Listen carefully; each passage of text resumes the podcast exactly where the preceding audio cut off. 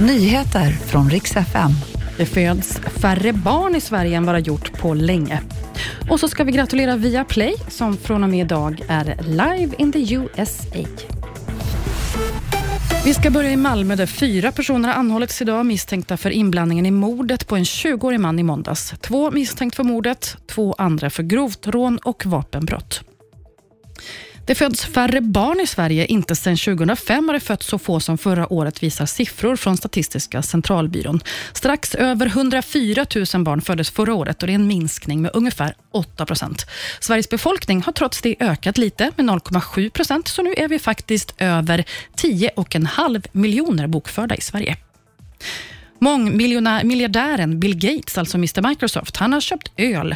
Han har tidigare sagt att han är inte så förtjust i öl, men en god investering, det är man ju alltid förtjust i. Nu har han köpt 3,7 procent av öljätten Heineken. Strax över 10 miljoner har han valt att lägga på ölen, det skriver Dagens Industri.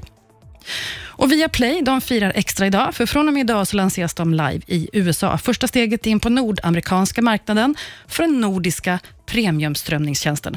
Så nu kan alltså även amerikaner njuta av nordiska toppfilmer och serier.